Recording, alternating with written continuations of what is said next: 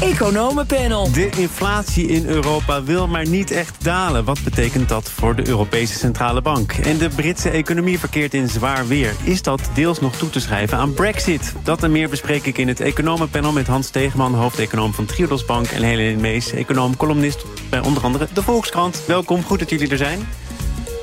Laten we 2023 ook maar beginnen met de onverminderd hoge prijzen dit jaar. Want de jaar-op-jaar inflatie komt neer op 11 procent. Een verschil van slechts 0,3 procent met november. Alles uitgaande van de Europese definitie... die op een aantal punten verschilt van de Nederlandse. Hans, laten we daar maar meteen mee beginnen. Het heeft te maken met het feit of je de kosten voor de eigen woning wel of niet meeneemt. De woondiensten, of je die wel of niet meeneemt. Er zitten nog wel wat meer de, de, uh, definitieverschillen tussen... maar dat is wel een van de belangrijkste die in dit geval zorgt voor dat grootste verschil. Hè, want uh, de HICP, dus de, de geharmoniseerde Europese inflatiedefinitie... Uh, die komt hoger uit de Nederlandse definitie komt uit uh, volgens mij op 9,6 procent, als ik het goed heb, in december. Uh, ook, uh, en het gaat eigenlijk vooral om de trend, die gaat omlaag. En ook het feit, en dat is die HICP wel goed om te zien... dat Nederland nog wel steeds een van de hoogste inflatiecijfers heeft in Europa. Het gaat om de trend, maar het gaat toch ook in Nederland al een tijdje over de methode. Hè? Want wat doe je met energiecontracten? hou je in je rekening ja. toch nog altijd vast aan... we sluiten iedere maand een nieuw energiecontract, ja of nee? Ja. Het schijnt ook een hoop uit te maken voor de uiteindelijke cijfers. Ja, kijk, en, en dan kom je natuurlijk wel op het terrein... waar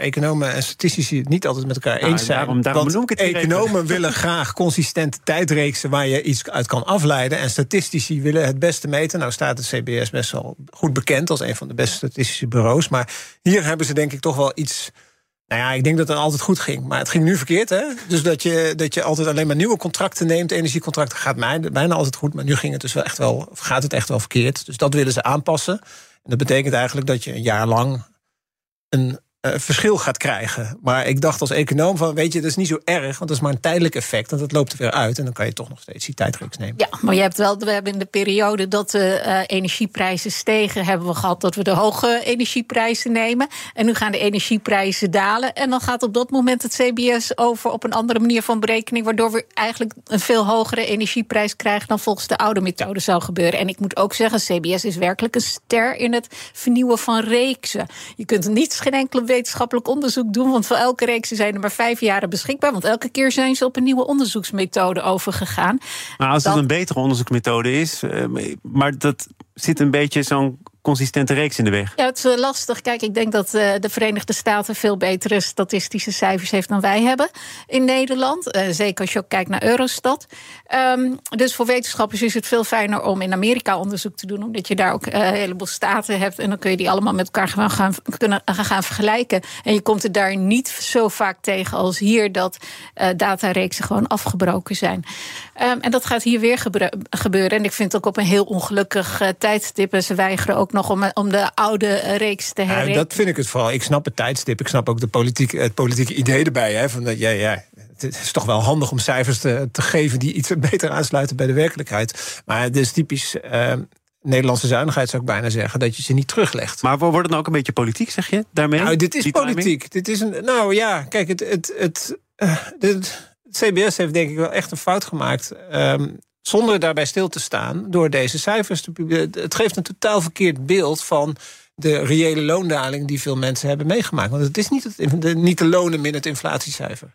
Eens dus? Ja, helemaal mee eens. Deze cijfers geven niet een correcte weergave. Maar door net op het moment dat het beeld begint te keren, daar ook een systeemverandering in te doen, waardoor je He, vergeleken met als je het oude systeem zou hanteren, hele hoge inflatie blijft zien, lijkt me ook geen goed beeld. Want ook zoals jij uh, de introductie begon, ja, de inflatie blijft hoog. Maar het nieuws vrijdag was juist dat de, euro, eh, de inflatie in de eurozone veel harder is gedaald dan was verwacht. Maar en ondanks die daling toch nog altijd op een hoog niveau? Laten ja, we eerlijk weten. Ja, maar, maar dat, kijk, dat is een klein beetje als de huizenprijzen nu beginnen te dalen. Dan zijn ze ook nu nog op een hoog niveau vergeleken met vorig jaar. Dan is de daling kan al ingezet zijn, maar als eerst een, een, een stijging van 25% voor dit jaar verwacht was.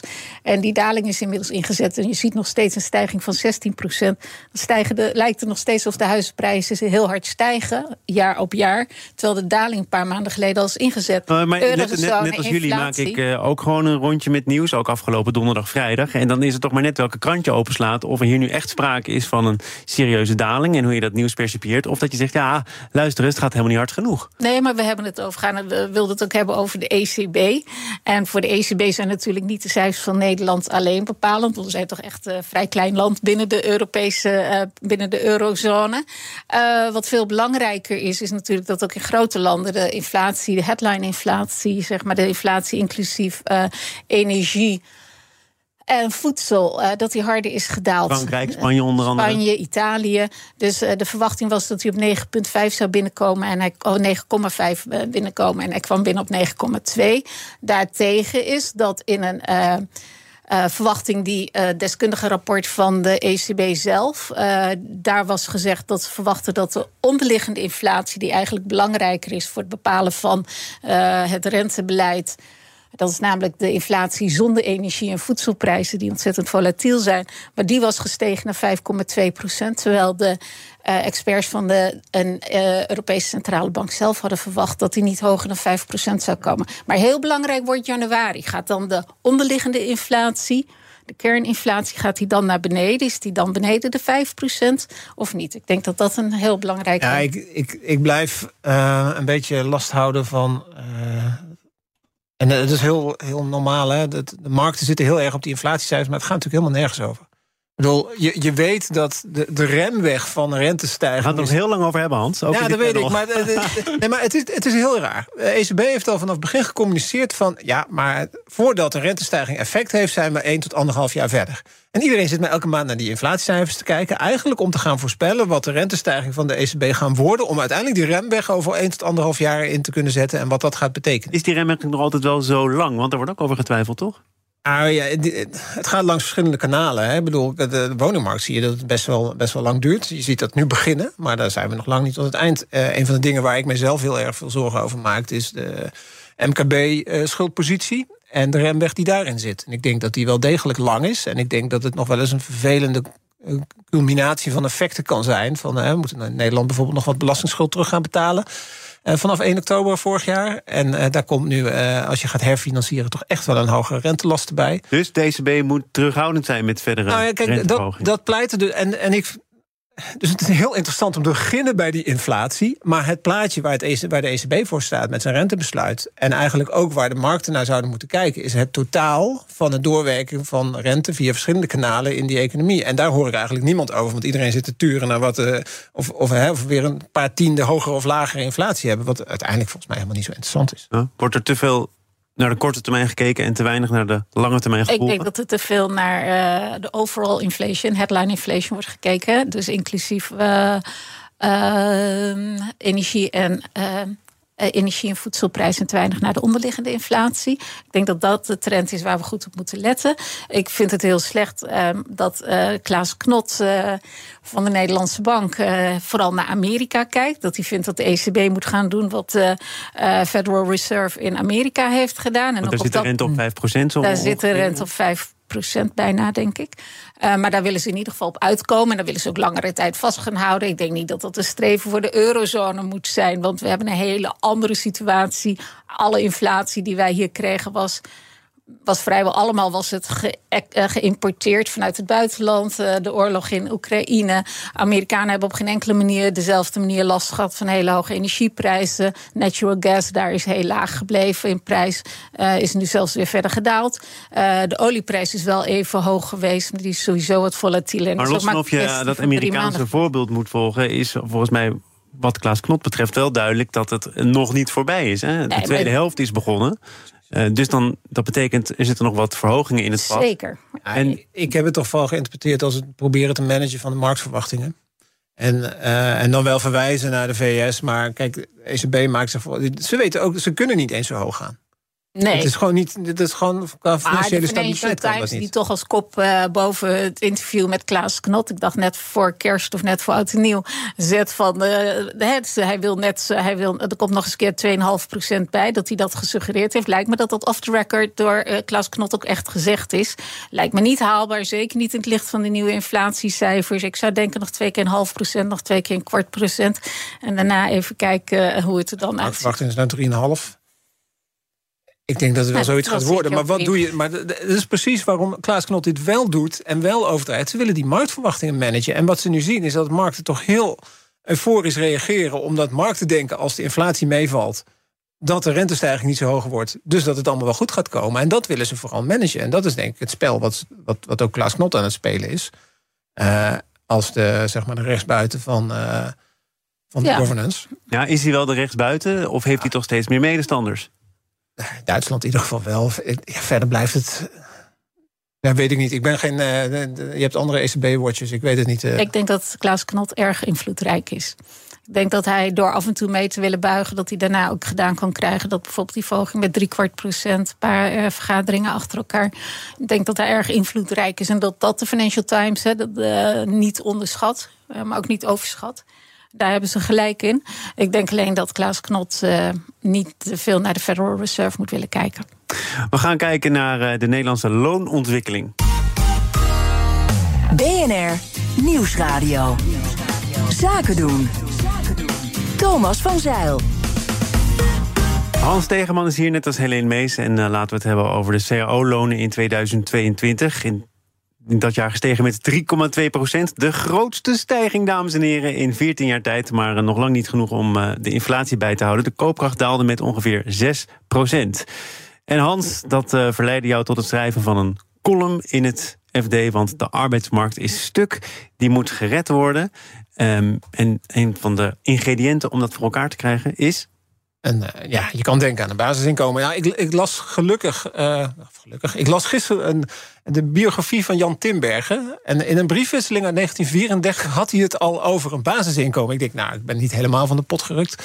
Nee, maar waarom ik het, waarom ik het schreef, en dat wordt natuurlijk meteen de kop van een column, is eigenlijk als je, als je de Nederlandse arbeidsmarkt analyseert, dan, uh, dan is die als verdelingsmechanisme behoorlijk kapot. En dat begint bij primaire inkomensverdeling, dus het verschil tussen arbeid en kapitaal, maar het gaat ook over de, over de loonverdeling. Nou, wat doet een overheid? Een overheid die is vervolgens met allerlei van kindertoeslag tot van alles en nog wat proberen dat allemaal weer te corrigeren en te rondpompen. En dat werkt niet meer. Dus, en dan moet je fundamenteler, en dat was op de partij van de kolom, gaan nadenken over welke ingrepen je dan echt kan doen. En een van de voorstellingen die heel radicaal is en waar ik heel lang over heb nagedacht of ik dat nou echt vind, is een basisinkomen. Nou, maar dan is het toch niet per se de schuld van de koppenmaker. Je hebt het toch ook nee, opgeschreven? Ik heb het ook met alle mits en maar. Nee, met als ja. een van de oplossingen. Ja, met alle mits en maar, inderdaad. Ja, geeft de koppenmaker maar de schuld. Nee, nee, het stond toch echt. Het stond terecht, ja hoor. En, en, en, jij zegt dat dat uh, een optie is omdat uh, andere manieren niet meer werken. Eh, en omdat je eh, constateert volgens mij dat wat er nu gebeurt... Eh, gerommel in de marge is. Gerommel in de arbeidsmarkt. Maar er wordt natuurlijk wel het een en ander voorgesteld. Hè? Verhoging van het minimumloon onder andere. Allerlei vormen van flexwerken worden aangepakt. Uh, is dat dan toch ook niet voldoende om ervoor te zorgen... dat er op die arbeidsmarkt het een en ander verandert? Nou, niet als je het kijkt in een wat langjariger perspectief. Uh, en het is natuurlijk niet alleen uh, dat het een Nederlands probleem is. Het is natuurlijk een mondiale probleem. De onderkant heeft, heeft het gewoon lastig... En het zijn twee problemen. Dus de ene kant de, de, rechtspositie van mensen aan de onderkant van de arbeidsmarkt. Dus de andere kant is de, de, de rondpompmachine die de overheid ernaast heeft gebracht. Nou, die kan je op zich heel simpel oplossen door basisinkomenachtige gedachten negatieve inkomstenbelasting, die stond er niet Hij in. heeft volgens mij die, die column met een potlood geschreven. Ja. Basisinkomensachtige gedachten. Ja, dat was te lang, hè? Wat vind jij van basisinkomensachtige gedachten, Helene Mees? Een klein beetje als die uh, uh, vertegenwoordiger in het Huis van Afgevaardigden in Amerika... die zei dat hij Jewish was. Ja, ja, ja. Joodsachtig. Ik, uh, nee, ik ben het echt helemaal niet mee eens. Want als je basisinkomen gaat instellen... ga je nog veel meer geld rondpompen. Bovendien, je constateert zelf... In je, ik ben het wel eens met jou uit uitgangspunt en wat jij wil gaan aanpakken. Wat ik het helemaal mee eens ben, de arbeidsmarkt is kapot. Er is uh, het aandeel winst in het uh, bruto binnenlands product wordt steeds groter. Het aandeel arbeid wordt steeds kleiner. Dus dat is zeker een probleem. En heel echt hulde dat je daarvoor aandacht vraagt. Ik denk niet dat basisinkomen de oplossing is. Het basisinkomen is natuurlijk gaat nog meer geld uh, in beginsel via de overheid herverdelen. Dat, dat is het idee, want je wil mensen beter maken. Uh, in 2020 uh, hebben SCP en uh, CPB ook onderzoek naar gedaan. Uit dat onderzoek blijkt dat het, het punt dat je ook aankaart... we hebben gewoon, er is een arbeidstekort op dit moment. Ga je een basisinkomen invoeren, wordt het arbeidstekort alleen maar groter. Want mensen gaan dan niet meer werken? Gaan niet meer werken. Kijk, er zijn, er zijn mensen met een inkomen um, die Als, ik, al, zeg maar, als je treinen moet schoonmaken bijvoorbeeld, of noem eens iets anders uh, werk waarvan je denkt dat is niet heel aangenaam. En je kunt het inkomen wat je nu verdient met het schoonmaken van treinen ook krijgen door gewoon thuis te zitten. Zijn er een heleboel mensen die juist onaangenaam werk niet meer willen doen. Dus ik zou zeggen, uh, de overheid heeft nu al het minimumloon uh, verhoogd per deze maand. Uitstekend. Um, we hadden in de, uh, bij de oliecrisis in de jaren 70 was er een loonmaatregel. Dat was toen om de lonen binnen de perken te houden. Die stegen toen te hard. En die zouden dus de inflatie opdrijft effect. Waarom hebben we nu niet een loonmaatregel waarbij we werkgevers verplichten om de lonen te verhogen? En eventueel met een tegenbewijsregeling dat een uh, iemand ook kan laten zien... ja, maar ik heb het nog heel moeilijk. Het is ook wel extreem wat je nu zegt, hè? Het verplichten van de loonsverhoging. Nou ja, waarom was het niet extreem in de jaren 70 en, en nou, in de jaren 60, jaren 50? Ik, ik zit helemaal met Jan Timberg aan mijn hoofd. En met die geleide loonpolitiek en ja. wat hij allemaal heeft ingevoerd. Ja. Nou, dat, dat, dat Daar is op een gegeven moment ook van afgestapt, hè? Er is een gegeven moment van afstand. Nee, maar er hoort toch een argument bij. Wat in, uh, waarom ik toch vind dat we serieus over een basisinkomen moeten nadenken. En dat is een heel ander argument. Um, en dat heeft te maken met het soort werk wat we hebben. En wat we allemaal eigenlijk aan het doen zijn. We kunnen aan de ene kant constateren dat we veel te weinig handjes hebben. We kunnen ook constateren dat een heleboel van het werk best wel onnodig is. Uh, laten we het hebben over de bullshit jobs. En uiteindelijk ook over wat voor economie je wil hebben. Dit gaat veel verder, dat past er niet in de column, maar dat hoort er wel bij. Als je het hebt over je kan, je kan een maatregel afrekenen, wat we economen gewend zijn te doen, alleen op efficiëntie. En dan concluderen: dit gaat heel veel geld kosten. En mensen gaan zich terugtrekken van de arbeidsmarkt ik snap prima hoe dat werkt in de modellen van de CPB, want dan heb je een discouraged worker effect en dan kost het economische groei. En ik zou ervoor willen pleiten dan van oké, misschien is dat precies wat we nodig hebben. Dan hebben we minder mensen, hebben een ontspannende samenleving. En de Nederlandse treinen zijn al zo smerig. dus nou, echt dan hebben we een heleboel mensen heel veel tijd Maar dat is, kijk, het schoonmaken van een trein is natuurlijk geen bullshit job. Nee, nee. Misschien nee. lullen op de radio. Dat lullen op de radio, zeker. Column schrijven, dat soort werk. Dan kunnen wij dat allemaal gaan schoonmaken, bijvoorbeeld. Nee, maar nu wordt het denk ik een beetje iets te veel van het, uh, van het punt af. Verwacht je dat dan echt? Kijk, uh, reageer ja, op dit, wat Helene zegt. Nee, maar dit, dit hoort er, voor, voor mij hoort dit er, nee, helemaal eens met Helene. Als je, als je het gaat, en, en daarom twijfel ik ook... als je het puur in een economische analyse gaat... dan kom je tot de conclusie, dit gaat geld kosten... en dit leidt tot minder, minder werkgelegenheid. Als je het daarop afrekent, is het ook een slecht idee. Maar het punt wat ik daarbij wil brengen... Uh, is van, dit hoort in een... en dat is een punt wat ik vaak maak... dit hoort in een ander soort economie wat je zou willen hebben. Een ontspannende samenleving waar werk een ander soort keuze. Dat is jouw vakantiecolumn van afgelopen zomer. Ook mijn vakantiecolumn. Dat punt maak ik. Nee, maar daar hoort het wel. Dus eh, als je kijkt naar de post-growth literatuur en alles wat, wat vrij, uh, vinden mensen vrij heterodox is. Maar ik denk toch dat het echt onze toekomst is dan hoort erbij om over na te denken... wat is de functie van werk, wat is de functie van de arbeidsmarkt in ons leven. En dan is het niet alleen de analyse van... hoe kunnen wij het arbeidsaanbod zo efficiënt mogelijk verhogen... en hoe kunnen we iedereen aan het werk helpen en hoe kunnen we maar dat het verdelen. verder dan een, een verdelingsvraagstuk. Het is, het is inderdaad meer hoeveel uren wil ik in de week werken... en welk werk wil ik dan verrichten. En dat is een andere vraag dan de vraag stellen van... hoe maximaliseren wij het arbeidsaanbod en hoe verdelen we alleen het loon? Nee, het is ook hoe verdelen we de vrije tijd ook. ja, maar ik, ik, denk dat echt wat je zegt, uh, het zou misschien allemaal kunnen als we op een klein eiland zouden wonen en uh, een grote muur om uh, Nederland heen. Maar al het werk dat Nederlanders, mensen die in Nederland recht hebben op een basisinkomen, niet meer willen doen, daarvoor zijn een heleboel liefhebbers die het wel willen doen.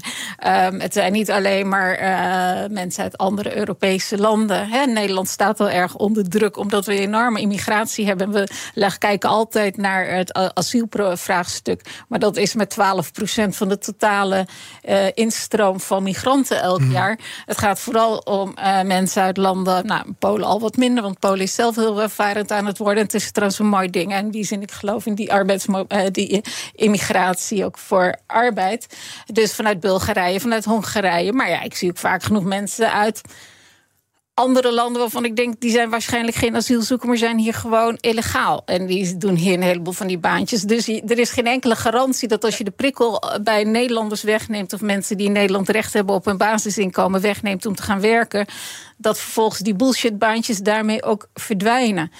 Dus ik denk dat je ook een beetje nuchter moet delen. Het, uh, en, en het was niet alleen een analyse van het CPB, maar ook van het Sociaal Cultureel Planbureau, die waarschijnlijk iets meer uh, in jouw lijn van denk van post-growth uh, samenlevingen zit. Maar het leidt ook tot denivellering. Want wat gebeurt als je een basisinkomen invoert? Hè, die krijgt iedereen, ook mensen die al werken. Dus dan krijgen mensen met de uitkering gaan er vaak iets nou, op achteruit. Omdat je net die hoogte, dat is helemaal niet ja. financierbaar.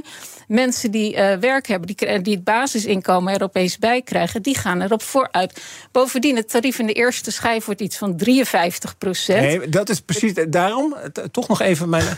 Daarom zei ik net ook een basisinkomen achtig.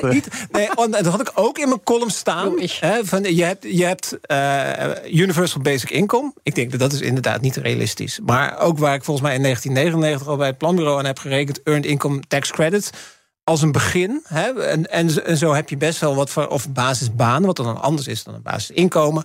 Zo, daar doel ik op. En, en ik snap heel goed dat als mensen dat lezen, dat ze meteen tot in een extreme strekken om te zeggen: van ja, maar dat is allemaal flauwkul. Terwijl het mij nou juist ging om over dat soort dingen wel na te denken, omdat het een fundamentelere analyse vergt. En nou, dan alleen maar zeggen van ja, nou we gaan minimumloon verhogen en dan zijn we klaar. Dat ik heb echt earned income tax credit heb ik ook al echt lang geleden voor gepleit. Ik weet niet, niet. Kijk, want het punt is ook nog steeds jouw. Jouw grief is uh, vermogens ten of dat, dat, dat de uh, winsten steeds grootste deel uh, uh, van het BBP-vermogens. Maar de vraag is: zou het niet fijn zijn als we gewoon bij de primaire inkomsten dat we ook gewoon kunnen zorgen dat minder winst wordt gemaakt en ja. meer want daar, eh, daar, zeg maar, als je een earned income tax credit of een basisinkomen gaat nog steeds uit van herverdeling door de overheid en doet aan die fundamentele primaire inkomensverdeling. daarom stond in de zin daarvoor, als ik nou toch mijn column aan het ontleden ben, ja, stond nog iets van een verschuiving van de, hè, de, de, de lasten op arbeid naar, uh, naar ja. grondstof. Maar, dat, nog even, zonder dat er een basisinkomen aan te pas moet komen. Er is al jarenlang uh, sprake van krapte op de arbeidsmarkt. De vakbonden hebben nu momentum. Ja. Uh, Klaas Knot zelfs zegt een loonstijging van 5 tot 7 procent... moet in heel veel sectoren bij heel veel bedrijven mogelijk zijn. Zou dat dan toch niet een kentering kunnen zijn? Ik, ik betwijfel het. Ik denk dat de, de, de vakbond... En, en natuurlijk... De, we praten er al zo lang ook over, over in, in de zin van wetgeving. En op, het lukt niet. Het is natuurlijk een mondiaal spel voor een deel. En dat pleit natuurlijk hartstikke tegen mijn argument voor alleen een Nederlands basisinkomen. Maar je moet iets doen. Je, ook nu, waarom slagen de vakbonden erin dan niet meer te krijgen? 5% verwachten we dit jaar. Ja, dat is bij een inflatie die we vorig jaar hebben gezien, is, stelt niks voor. Dus ik geloof het niet. En toch zijn er nog heel veel mensen die in staat zijn om meer te sparen. Blijkt uit de laatste cijfers van de Nederlandse Dat zijn weer andere mensen. Dat zijn weer andere mensen. ja. um, ook andere mensen waar we niet aan toe komen, dat zijn de Britten. Want uh, Brexit uh, voeren we af van het lijstje. Of willen jullie nog iets zeggen over de, nou ja, en de vrucht van uh, Prins Harry? Belang... nee. nee, dat niet. Oké, okay, waar wil je wel wat over zeggen? De belangrijkste reden voor Brexit was omdat ze de migratie wilden stoppen. En ironisch genoeg hebben ze de. Nee, ze hebben de hoogste instroom gehad afgelopen jaar. Ja, op aanraden van de Britse VNO-NCW. Dat zegt alsjeblieft, laat ze weer komen. Ja, nee. Dus het is wel ironisch te noemen. Heel ironisch, echt. Ja, maar ze, ze, hebben wel de hoogste instroom gehad, maar er zijn daarvoor heel veel mensen weggegaan. Dus ze hebben nog steeds wel het grootste probleem daardoor. Op, een arbeidsmarkt. Ik uh, verzoek jullie ook vriendelijk, doch dringend uh, te vertrekken. Hans Tegenman, hoofdeconoom van Triodos. En ook columnist van het FD, heb ik zomaar het vermoeden. En Helene Mees, econoom en columnist bij de Volkskrant. Dank voor jullie bijdrage aan dit economenpanel. Terug van weg geweest in dit programma... onze eigen buitenlandcommentator Bernard Hammelburg. Zometeen met de Oekraïne-update. Ook Bas van Werven vind je in de BNR-app. Ja, je kunt live naar mij en Iwan luisteren tijdens de ochtendspits. Je krijgt een melding van Breaking News. En niet alleen onze podcast Ochtendnieuws, maar alle BNR-podcasts vind je in de app. Download nu de gratis BNR-app en blijf scherp.